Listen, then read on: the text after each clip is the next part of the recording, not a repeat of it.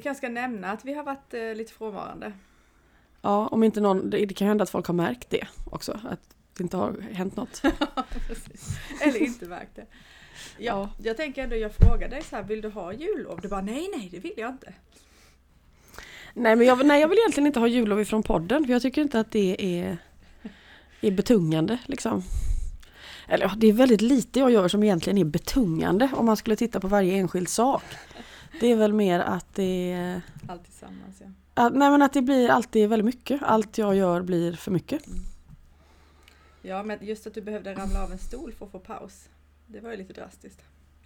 Jag behövde i alla fall ramla av en stol för att komma åt vissa saker som var lagrade i kroppen som nog inte hade kommit ut om inte något hade gått sönder. Mm.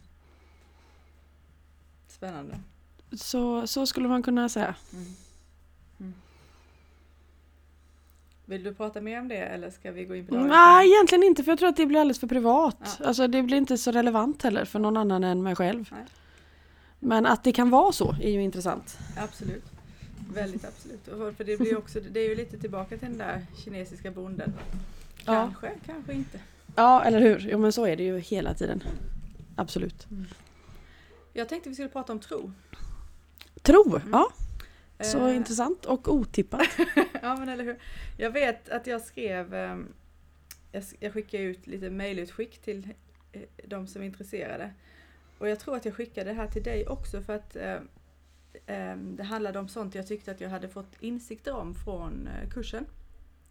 Okej, men det har inte kommit till mig. Nej men det är hundra år sedan, alltså det är säkert, det kan vara ett år sedan. Ja, okej. Mm. Ehm, och då, som sista punkt där, så skrev jag om aspekten av tro. Och nu Mm. läser jag bara vad jag skrev då så har vi det som utgångspunkt lite. Mm. Och här tänker jag inte på religiös eller ens andlig tro, även om det skulle kunna vara en del av det. Mm. Jag tror att som minimo, miniminivå räcker det att vi har en tro på, världen, på att världen vill oss gott. Att det sätt vi ser på livet innefattar möjligheten att allting strävar efter, att, efter det största bästa. En tillit kanske. En vila i det som är tacksamhet. Det skrev jag då. Och nu Mm. så känner jag mig inte helt bekväm med det. Nej. För jag känner så här, vad... Om tro behövs för att jag ska få ihop min världsbild eller för att må bra. Det... Jag känner, tänk- ja, jag känner mig inte bekväm. Det, jag, jag kan väl Nej. börja där och lägga det i ditt knä lite. Ja, bara tänker vad det obekväma ligger i. Om det är så att tro i, det, i den bemärkelsen då skulle vara att man eh, lappar ihop ett glapp med någonting liksom, som skulle kunna vara gjutet med någon fastare materia.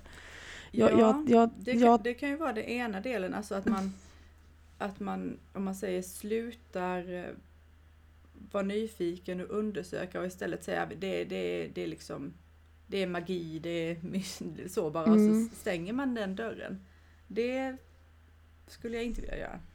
Nej. Ehm, nej, alltså det, för mig är ju liksom tro och osäkerhet och tvivel och så. Jag ser det som väldigt positivt. Mm. Ehm, därför att det, håll, alltså det gör att cirkeln inte sluts på något sätt också. D- Kan du vidareutveckla det? För, för Ja, mig- jag ska försöka För mig är vidareutveckla det nog det. så att, att den, och nu tänker jag kanske på en mer dogmatisk Mm. religiös tro Mm. som just, just liksom står där som svar på alla frågor. Och som, Mm, fast jag tänker att då är, det inte, det då är det ju inte en tro. Alltså då kan man ju inte kalla det för tro. I så fall hade det varit att man vet. Mm. Att man vet att Gud finns eller att man vet att världen vill en väl eller att man vet eh, vad som är rätt och fel eller Mm. man vet att profeterna fanns eller vad det nu är. Mm. Men, Då är det ju inte en, då är det ju inte en tro längre. Jag tänker att det, är det, liksom, det där systemet är relevant just för att man inte vet. Mm. Mm. Men eh, det kanske är bara en missuppfattning från mig, men Mm. ibland kan jag uppfatta att Ja men det är klart att, att jag går långt till någon form av extrem här men det, liksom det fundamentalistiska eller det, idén om att man måste tro för att vara dygdig för att komma Mm. till Du vet hela Ja, jag, jag, liksom jag, jag hör dig. aspekten. Jag, jag förstår vad du menar. Jag bara tänker, jag får inte ihop det med begreppet tro. Nej men liksom. det är bra för jag tror att vi, kan, vi skulle kunna lägga Mm. den delen åt sidan för den är ju ganska ointressant. För att jag tänker att den, den delen är ju mer en... För, eller jag tänker att där handlar det mer om en desperation liksom. Det måste vara så här. Mm. Att man, man knåpar ihop världsbilden med alla medel man har till hands liksom. Mm.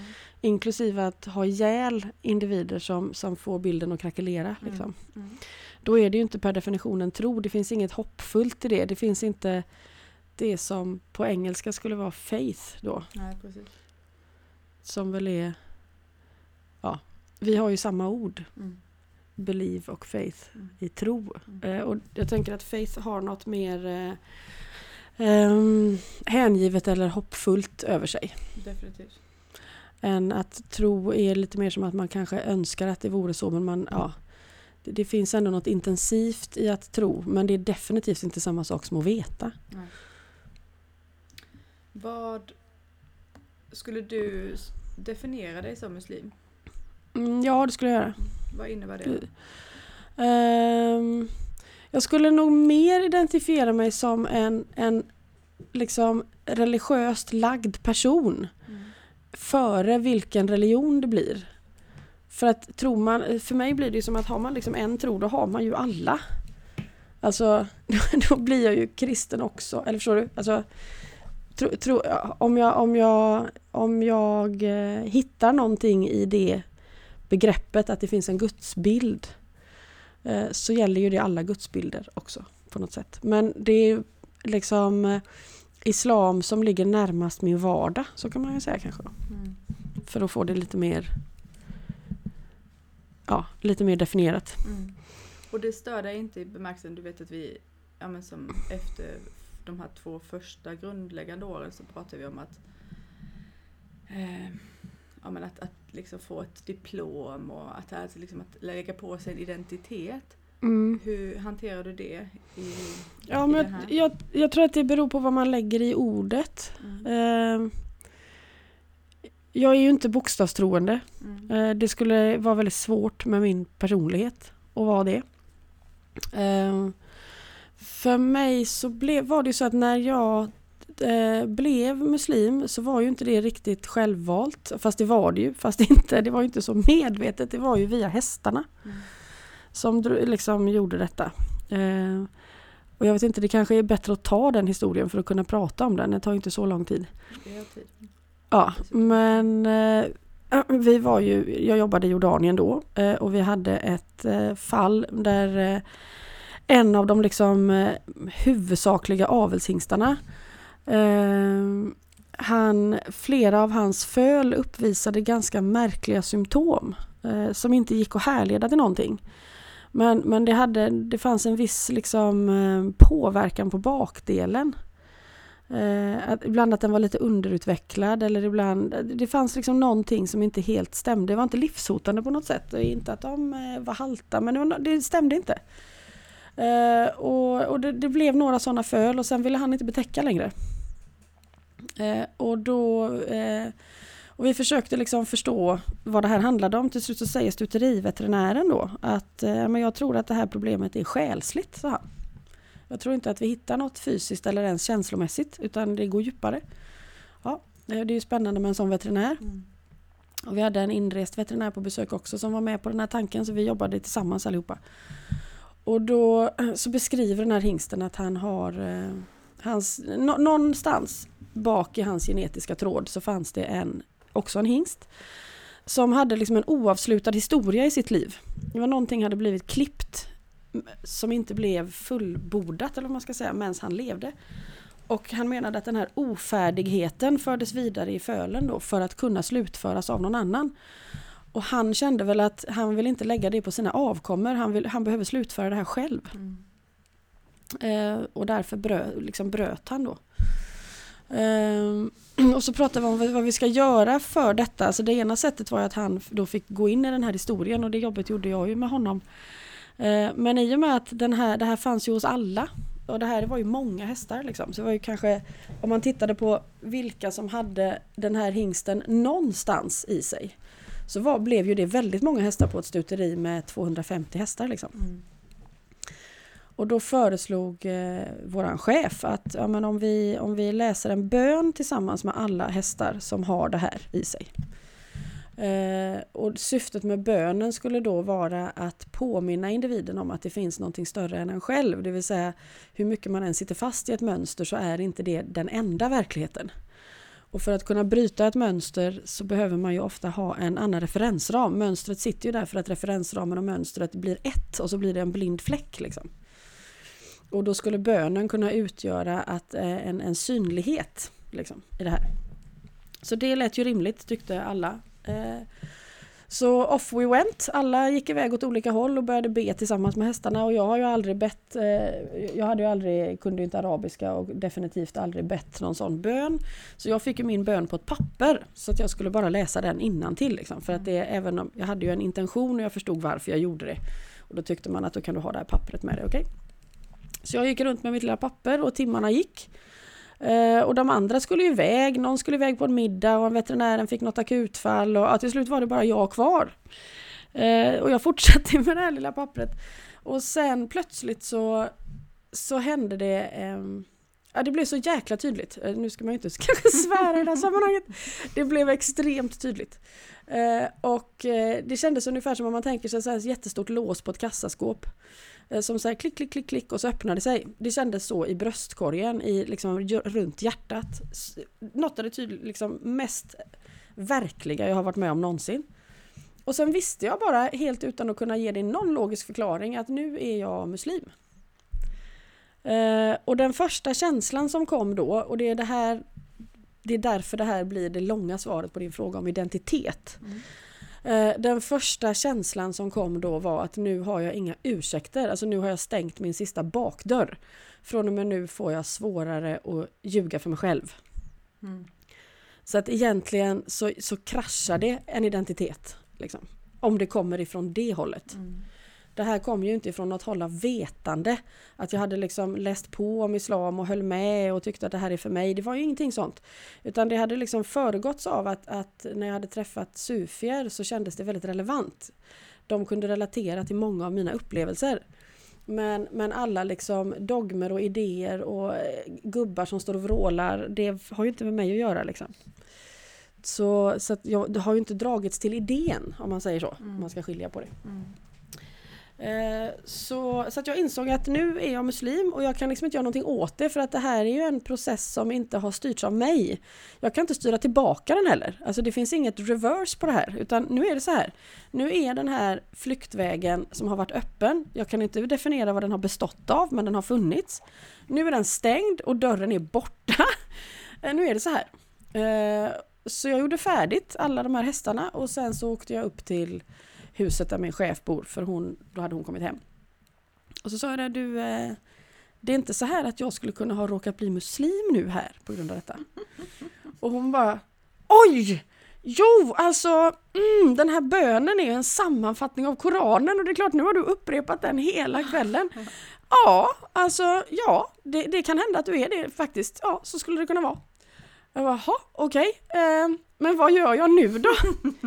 och så tittade hon på mig och så sa hon bara, nej men du fortsätter väl som förut. Mm. Och, och det där tycker jag är, ja, det är därför det här blir svaret på din fråga. Mm. Man fortsätter som förut med den skillnaden att att det är någon slags liksom, ursäkt inför mig själv som jag inte längre kan använda mig av. Jag kan inte sätta ord på den. Mm.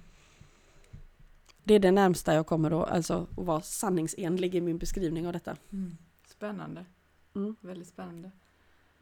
Och sen har jag liksom gjort en normal konvertering. Mm.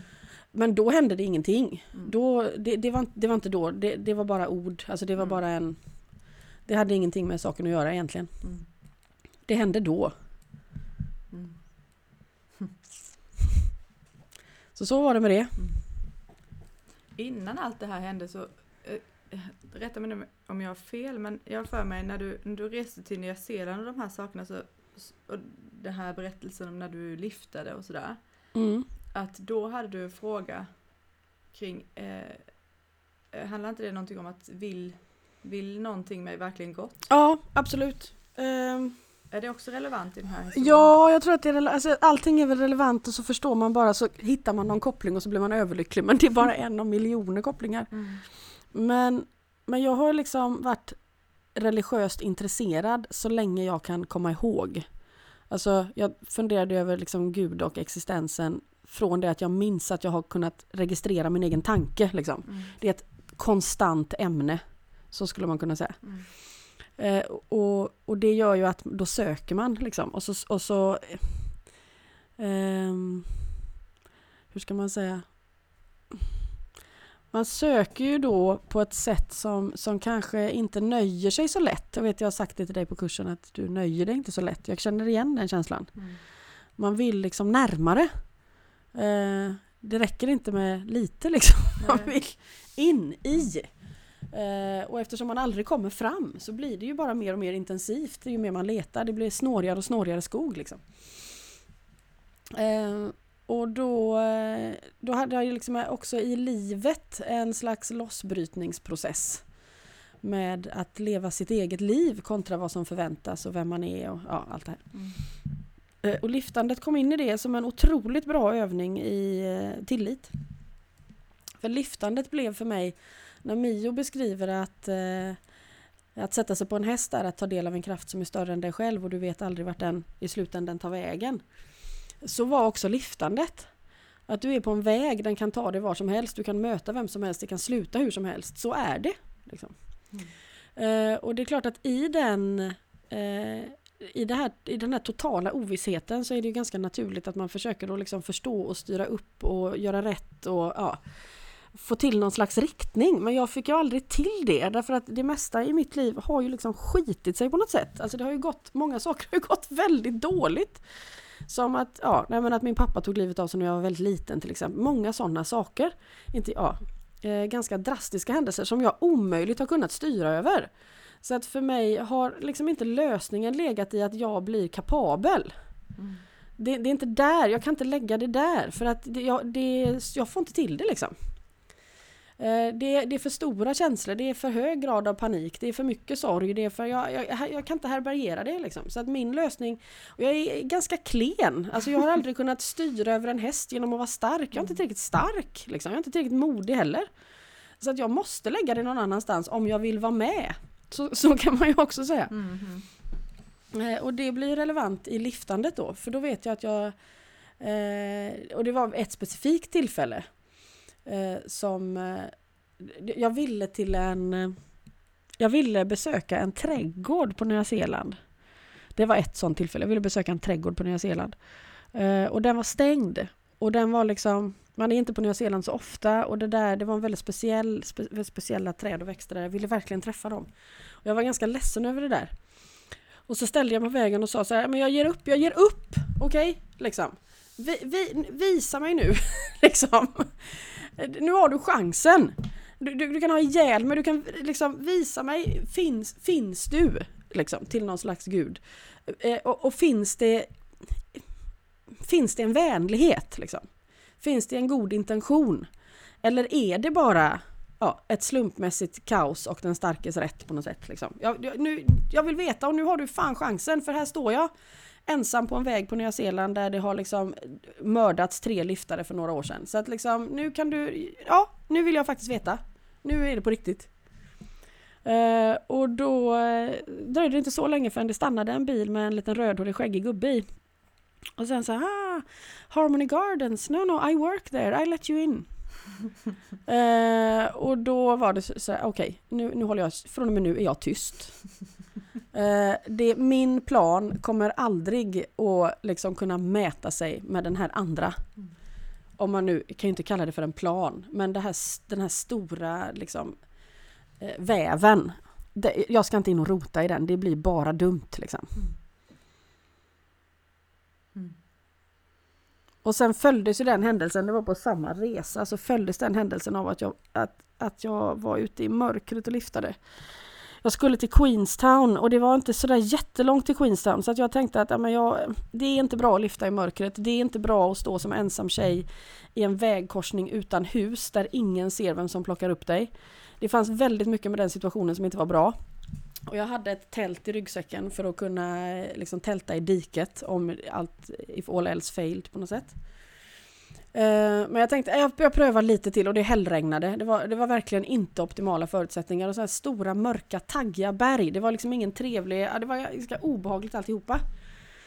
Eh, och så, den här berättelsen är ju med i en bok men den är så relevant så jag tänker ta med den igen. Mm. Bara för just det här hur saker kan sättas ihop alltså.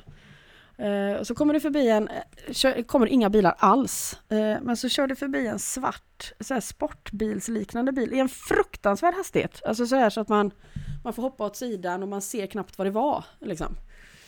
Eh, och det skvätte, upp, skvätte massa vatten.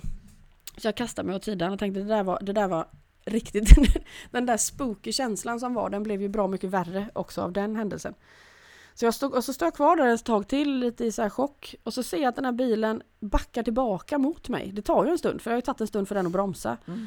Och så backar den tillbaka mot mig och det är liksom mörkt och jag är själv. Och så hör jag en röst i huvudet och jag, jag hör i princip inte röster i huvudet. Det är inte det jag ägnar mig åt.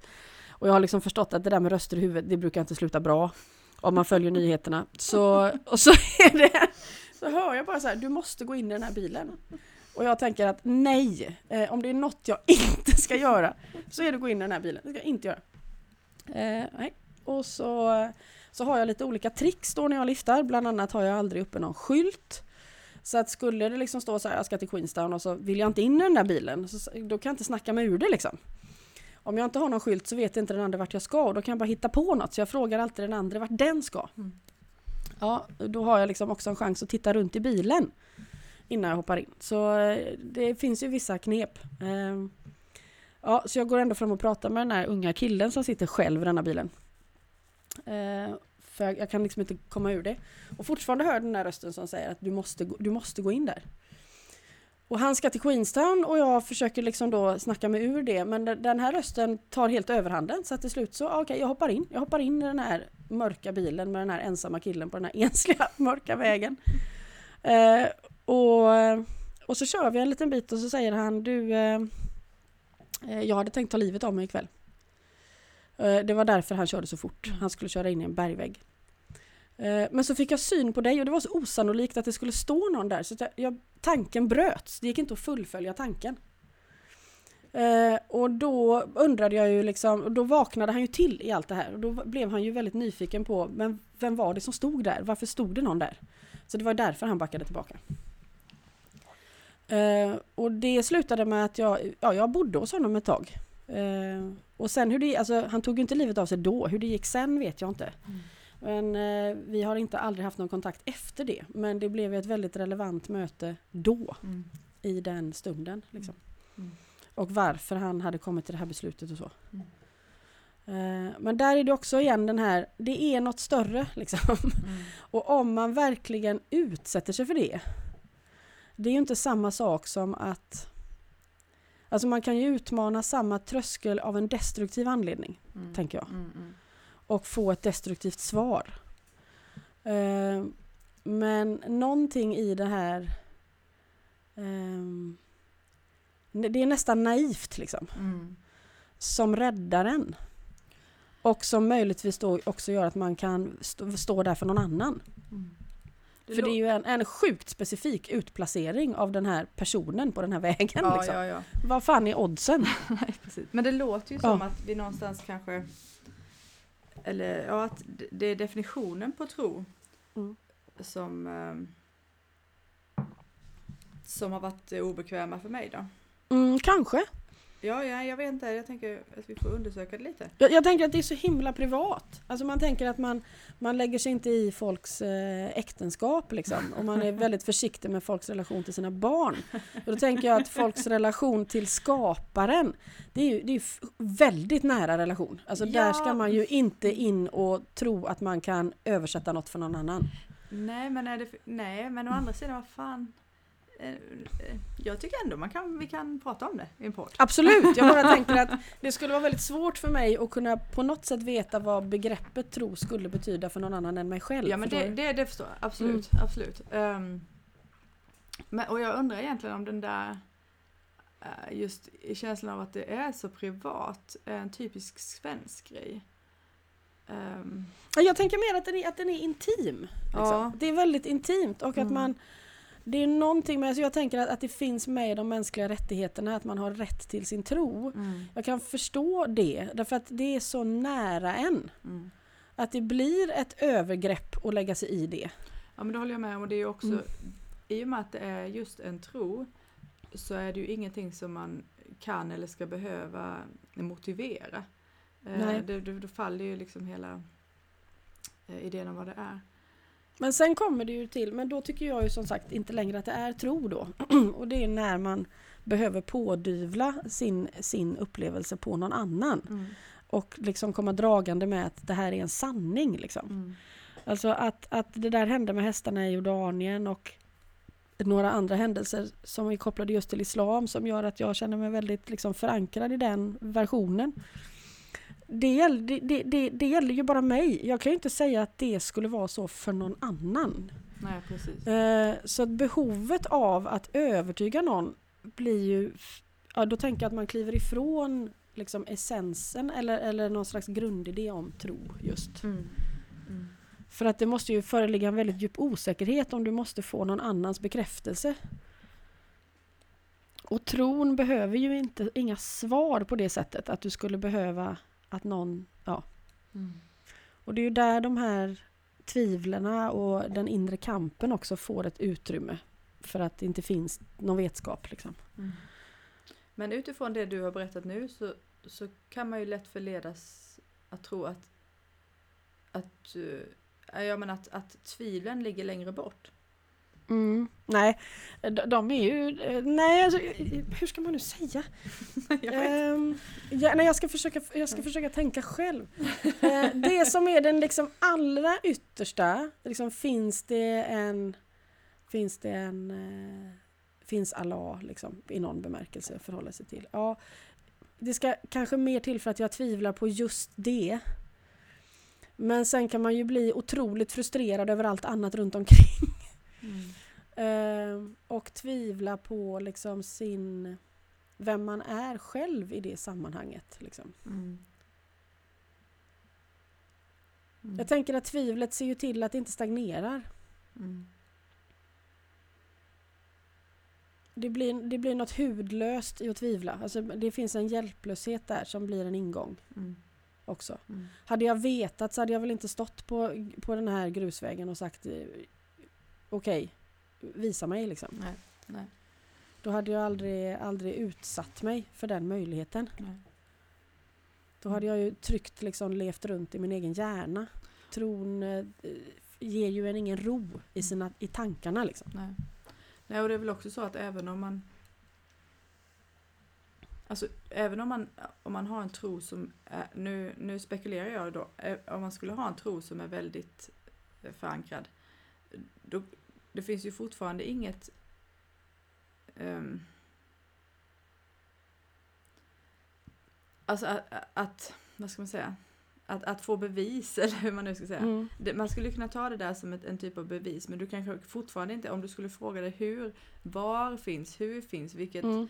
ehm, Nej. då, har man, då har man liksom ehm, Jag, jag tror att det Svåra. som, absolut, jag tror att det som själva förankringen består av att upplevelsen är, vad ska man säga, så verklig när den är. Alltså den, den är ju kanske en väldigt kort stund om jag nu bara ska utgå ifrån mig själv. mm, En glimt liksom av någonting som är verkligare än allting annat eller närmare eller större. Det är väl svårt att sätta ord på det där. mm, Eh, Men sen, det finns ett före och ett efter. Liksom. mm, Och därför tänker jag ibland när individer kan beskriva väldigt liksom, eh, spektakulära eh, andliga händelser som inte verkar ha satt så djupa spår.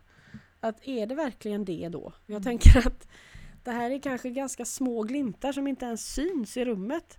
Men, men det förändrar någonting på insidan på ett sätt som inte, igen som den här känslan med de jordanska hästarna, att det är, finns ingen återvändo från den punkten. Det är, mm, någonting har hänt med en. mm, Ehm, och det räcker egentligen, alltså det bär. De små punkterna bär.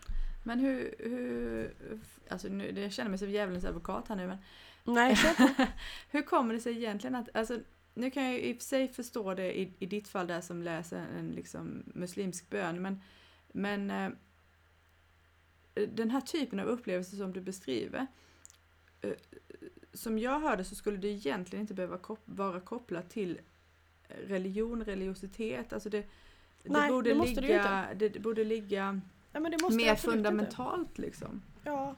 Um, alltså jag, jag tänker att... ehm, nej men det är väl den... Dels att varje individs upplevelse av andlighet är just väldigt individuell. Mm. Och hur man skulle definiera begreppen av det man upplever sen i efterhand det är också individuellt. Mm. Så för någon inbegriper den upplevelsen en, en gud eller en skapare eller en he, liksom stor ande på något sätt. För någon annan inte. Eh, ehm, jag pratade med en tupp igår som liksom tog bort skaparen ur bilden för att se vad som hände i det här liksom oerhörda Eh, slumpmässiga kaoset som uppstod om det inte fanns någon bakom. Det tyckte han var spännande att pröva. Och, då, och hans idé var att men man kanske, kanske behöver, alltså, storheten i livet när han tog till sig det här totalt okontrollerbara, när han verkligen gick in i det, ledde till en känsla av tacksamhet hos honom. Mm. Och den tacksamheten blev så stark att den välte honom. Alltså den hade kunnat, man säger att det finns ljus som är så starkt att, att det inte går att se in i. Mm. Och det här var liksom en tacksamhet som var så stor att den gick inte att bära. Mm. Så att han menade att man, man kanske behöver en skapare för att ha någon att tacka. Mm. Det kanske var så det började. Man kanske gjorde liksom en avgränsning av det här som man kan definiera som någonting. Där, bara för att det blir för mycket liksom. Då Mm. har man ändå någon i allt detta att vända sig till. Då går det liksom, det blir som ett slags mellanled mellan alltet och individen och det tyckte jag var en väldigt spännande ingång. Mm. Som, som någon form av Mm. verktyg då. Ja, ja Mm. och, och just att, att det kommer ur behovet av att tacka. Inte liksom av behovet av att be om någonting. Nej. Eh, blev ju jätteintressant. Så det är klart att man kan plocka isär det här hur mycket som helst. Liksom. Mm. Att det hände i en, i en eh, liksom, eller att det har inte bara hänt i en, i en muslimsk kontext för mig heller. Men att det har gjort det också. Mm. Eh, det, jag kan inte ge någon förklaring på det. Jag kan inte heller liksom ge det någon, någon mening. Utan det var bara, det är mest ett så här, så var det. Mm. Jag kan inte förklara det på något annat sätt. Mm. Det är väl liksom, finns en humor i det eftersom jag är så starkt driven av att hitta icke-hierarkiska lösningar. Att det här då uppstår i, eh, en väldigt eh, hierarkisk miljö. Mm. Det är ju intressant. Mm. Mm. Så att det finns ju ett fnitter bakom. Eh, Men det är ju fortfarande inte en förklaring. Det finns ju ingen förklaring Nej, på det här. nej, men, det, gör, nej, det gör ju inte det. nej. Men, det, ja, men det, det är ändå skönt på något vis att, att alltså, för, vi pratade om identifikation innan men det, i det där så blir ju en väldigt, väldigt liksom eh, brist på bindning på något vis. Mm. eh, som, som för mig låter väldigt befriande. Mm. Och den här tupphistorien är ju, alltså den är ju helt ljuvlig. Mm, den är det. Och, det och liksom att, intuitivt känns den ju så eh, lockande också. Ja, den gör det. Och han, han är spännande för att det började med för honom att han har en skada som är liksom svårbehandlad. Och han vill inte ha den. och då är det så hur förhåller man sig till någonting som man, som man måste förhålla sig till fast man inte vill? Mm. Och så drog han liksom den där, så fortsatte han den tankegången. Eh, och sen hamnade han i det här att han liksom släppte, han släppte helt enkelt Mm. taget och så föll han ju handlös då. Mm. Eh, och och det, det var jättespännande att följa det. Mm. Mm. Alltså, kan vi fortsätta prata om själen också? Jag tycker det passar in i det här sammanhanget. Ja, alltså kör. Eftersom att jag all, aldrig verkar nöja mig med det. Alltså jag fattar fortfarande inte. Nej, men ska man fatta det då? Tror du inte att det lite är på samma linje som tro? Ja men jag att hade tänker, man kunnat liksom boxa in den så vad hade det blivit då? Jag vet inte. alltså för, för medvetandet för mig eh, är liksom på något vis stort nog. Man ska säga, varför är Mm. vi ens medvetna? Vi hade ju Mm. liksom kunnat, varför, varför är det något att vara Mhm. någon liksom? Varför finns upplevelsen?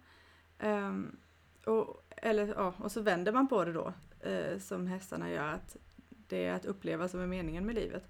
Och, Mm. Eller vänder och vänder, det, det är väl mer bara som att det går Mm. eh, Ja, jag förstår vad tillsammans. du är menar. väldigt Mm. fint. Ehm, ö- Eh, och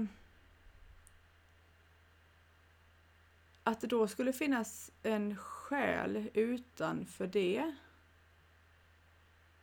Um, uh, hur kommer det sig att jag inte liksom um, upplever den då? Eller, eller är själen det som går bortom upplevelse och vad är det då ens meningsfullt? Alltså, ja. Eh, Ja. Meningsfullt kanske man får lägga till handlingarna. ja. Eh, för att det hade krävt en mening och då måste vi ju smalna av vägen på något sätt. ja. Då faller vi ju ur i alla fall tuppens bild. Mm. Eh, men men, eh, ja, men jag, alltså, jag försöker ju att, att sådär, ja, men alla beskrivningar jag hör från olika arter och så i det här ämnet. Men det känns ju som att medvetandet ligger i en mer, ska, mer skapad eller individuell konstruktion eh, jämfört med själen som ju verkar för många i alla fall beskriver ungefär som att man tar en gnista ur en gemensam eld. Det är som att själen är det som, alltså det, det som gör att, att, att liv är möjligt. Liksom. Och då är det ju väldigt många som beskriver att det stora mysteriet är hur kan liv skapas ur ingenting? Så att det finns ju något totalt odefinierbart Mm. någonstans här. Mm.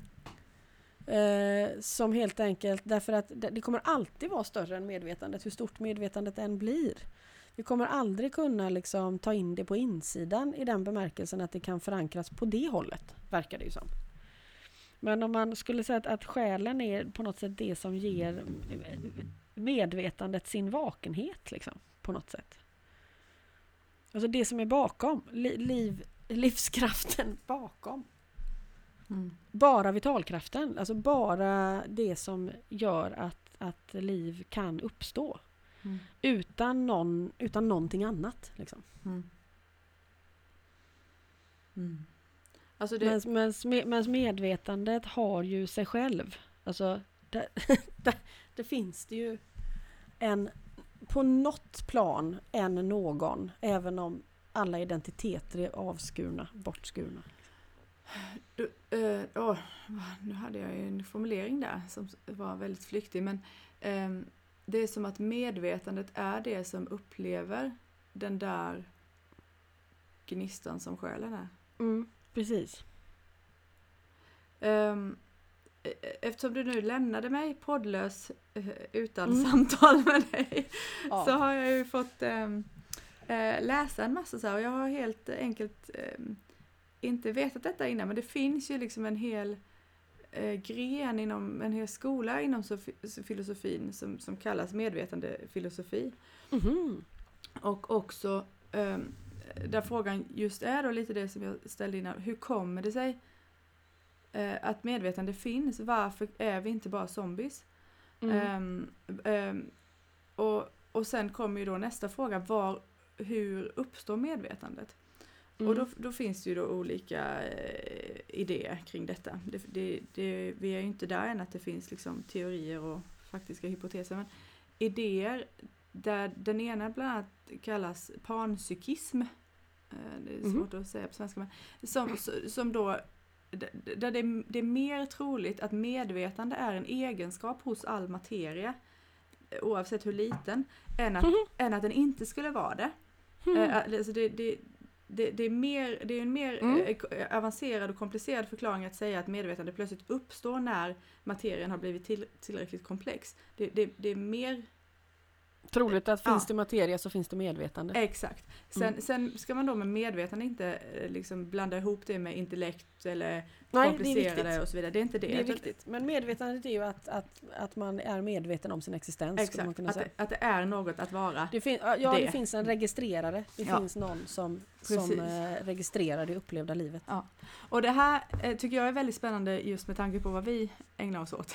Mm. Eh, och det, det är också, vi har varit inne lite på det, liksom med bordet medvetet och så vidare. Och då Mm. minns jag i den diskussionen att jag fortfarande blandar ihop det med att vara vid liv, vilket ju Mm. då är två olika saker. Man kan vara vid liv men inte Mm. vara medveten, som man Mm. är när man sover till exempel och sådär. Ja, precis. Ehm, och, och, och, sen finns det ju då vissa problem i det här, till exempel något som de kallar kombinationsproblemet. Alltså om, om, om varje cell i mig, är det dig, eller atom då, eller kvark eller vad det nu är, minsta beståndsdel, är medveten.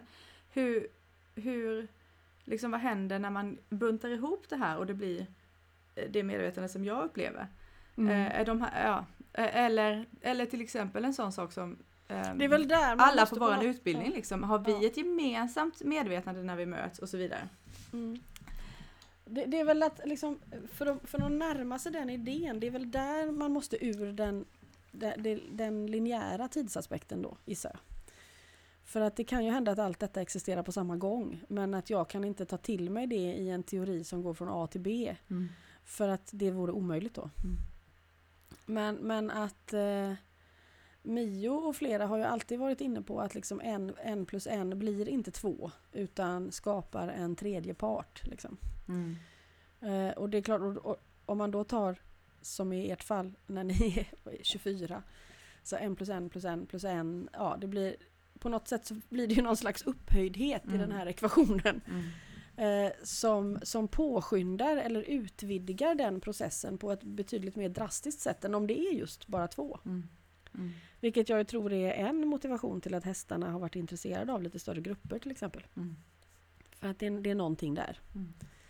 Eh, och, och att den här ste, svarta stenen från Nya Zeeland skulle ut i öknen för att då, då multiplicerar den, eller då- delar den med väldigt många sandkorn Mm. jämfört med att dela med en annan stor sten till Mm. exempel. Det var ju en viktig del av den historien. Mm. Så det är ju någonting i det eh, som ju går förbi eh, liksom rimliga förklaringar men som uppenbarligen är väldigt relevant. Mm. Ja, och hela idén om att allting har ett medvetande känns ju då... Eh, alltså det, det går ju inte att veta om det är så just nu, eh, men det känns på något vis plausibelt. Och det känns Mm. också, det blir väldigt spännande i det här att, ja men okej, ja men stenar har vi ju, Mm. eh, vi liksom vana, höll jag på att säga, att dela Ja. medvetande med. Mm. Ehm, vi har varit inne på att utvidga det till lite andra saker. Men, Mm. Alltså, jag vet inte riktigt vad jag ville komma till. Jo, men eh, jo, eh, det som är intressant tycker jag också i det vi gör är ju den här, den här när det blir flytande Mm. mellan olika medvetanden då. Och, Absolut. och att det kanske inte är så konstigt egentligen. Eh, utifrån det här då väldigt idégrundade Mm. perspektivet. Det är väl att liksom förståndet, alltså som sagt intellektet. Eh, ehm, alltså det finns ju någonting som jobbar emot den här sammansmältningen. Alltså jag tänker att det finns så många motsatta krafter och de är inte good or bad. De är inte bra eller dåliga. Men det är, många djur beskriver ju också att livet strävar ju åt ett individuellt håll också. Eh, alltså vi blir mer detaljerade, en större flock får en, en större utknoppning på något sätt. Mm. Eh, Och många djur pratar ju om liksom behovet av oberoende, att, att när själ och medvetande och kropp smälter samman så här så, så väcks också en längtan efter oberoende. Man vill också bort ifrån eh, skaparen, precis som man vill bort från en förälder. Liksom. Mm. Att det, det, man ska, vill, vill klara det själv och det är någonting i livet som vill det. Mm. Så att du har ju den liksom separ separerande kraften i dig som också är exakt som den ska vara. Och sen har du den totala hängivenheten där man då ja, släpper taget om allting och uppgår i alltet och det finns inga avgränsningar. Mm. Ehm, och de två är ju liksom motsatta men, men, men de är inte i konflikt egentligen. Men man kan göra det, alltså förståndet skulle kunna göra det till en konflikt. Mm. Och de är samverkande för utan Mm. någon av dem så hade det brutit samman då. Ja, ja. eh, Eller ja, och, och, ja och, och liksom vågrörelsen däremellan, det hade blivit åtminstone väldigt händelselöst. Ja den är fantastisk den bilden. Mm. Eh, Också igen känns liksom, det landar ju på något vis. Eh, mm. mm. Du får skratta så här lite högt upp, lite, så, lite salongsskratt. Så om några veckor så ska jag asgarva liksom, hejdlöst. Ja, det får du. Och sitta, Du har liksom ett- själv någonstans. Jag har uppdämt behov av att prata med dig och du har uppdämt behov av att asgarva. Ja, det kommer Ja, sådär riktigt... Eh, ja. bli jätteborskt. ja, så här osnyggt. Ja. Verkligen. Ja. Ja. Mm. Men det kommer, det kommer. Någon gång kommer det. Ja men det kan ta några månader va? Ja, Men eh, jag trycker ju i mig allt jag kan hitta på i form av alternativa saker så jag hoppas ju att det kan medverka till att det inte behöver ta riktigt så lång tid. Mm. Men Mm. nu har det ju gått ja, två veckor Mm. Ja. och det, det, det, det känns ju som att det ändå det rullar på rätt bra. Mm. Inshallah. Mm. Ja, det är bra. Men så jag vet inte, jag hoppas att jag kan asgarva på jul. Men vi får se.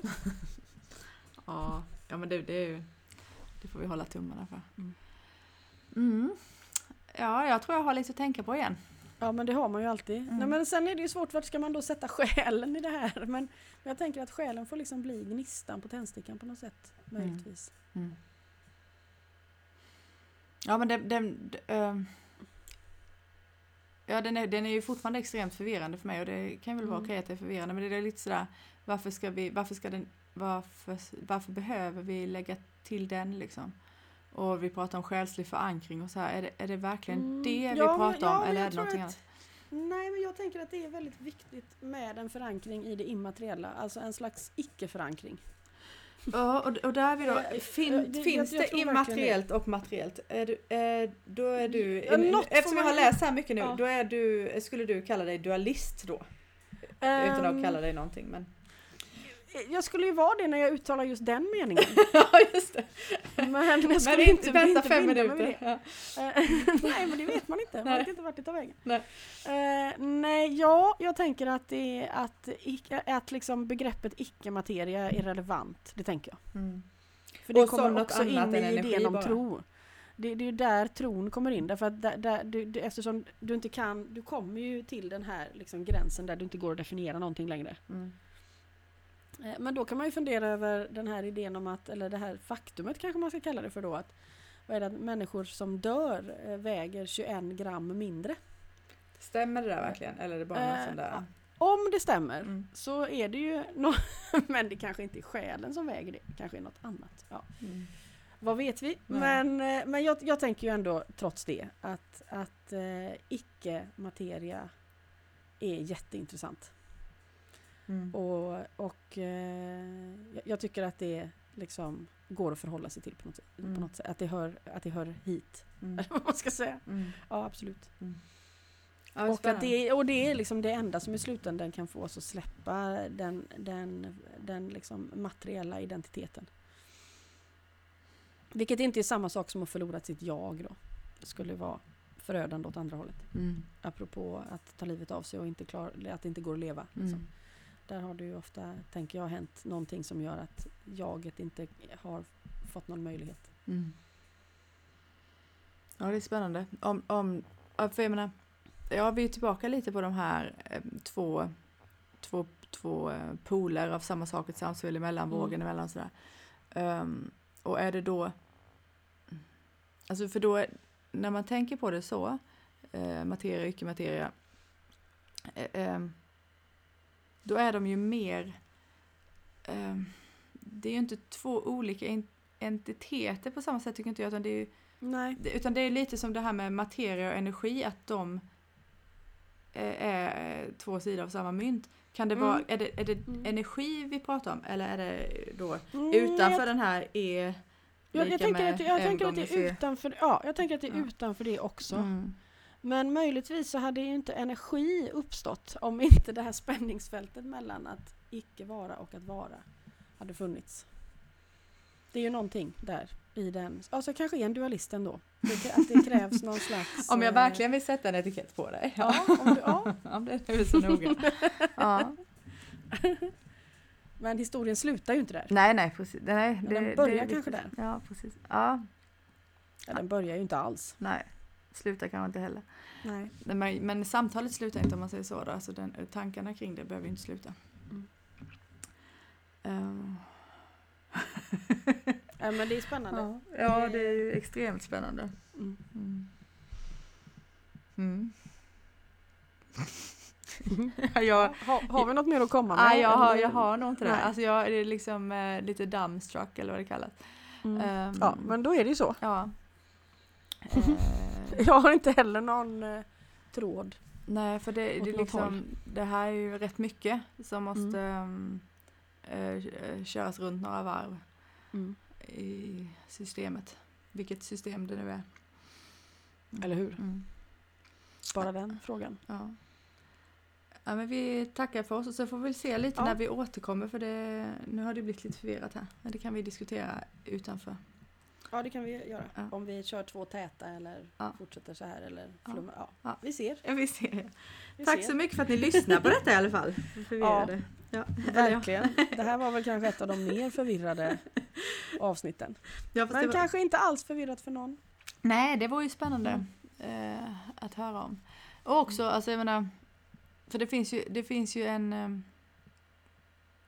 Jag skulle egentligen säga att det finns en förvirring hos mig som, som, som mottags med en ganska så eh, varm, famn hos de, varm famn hos dig, liksom ren, Mm. ganska mm, tydlighet.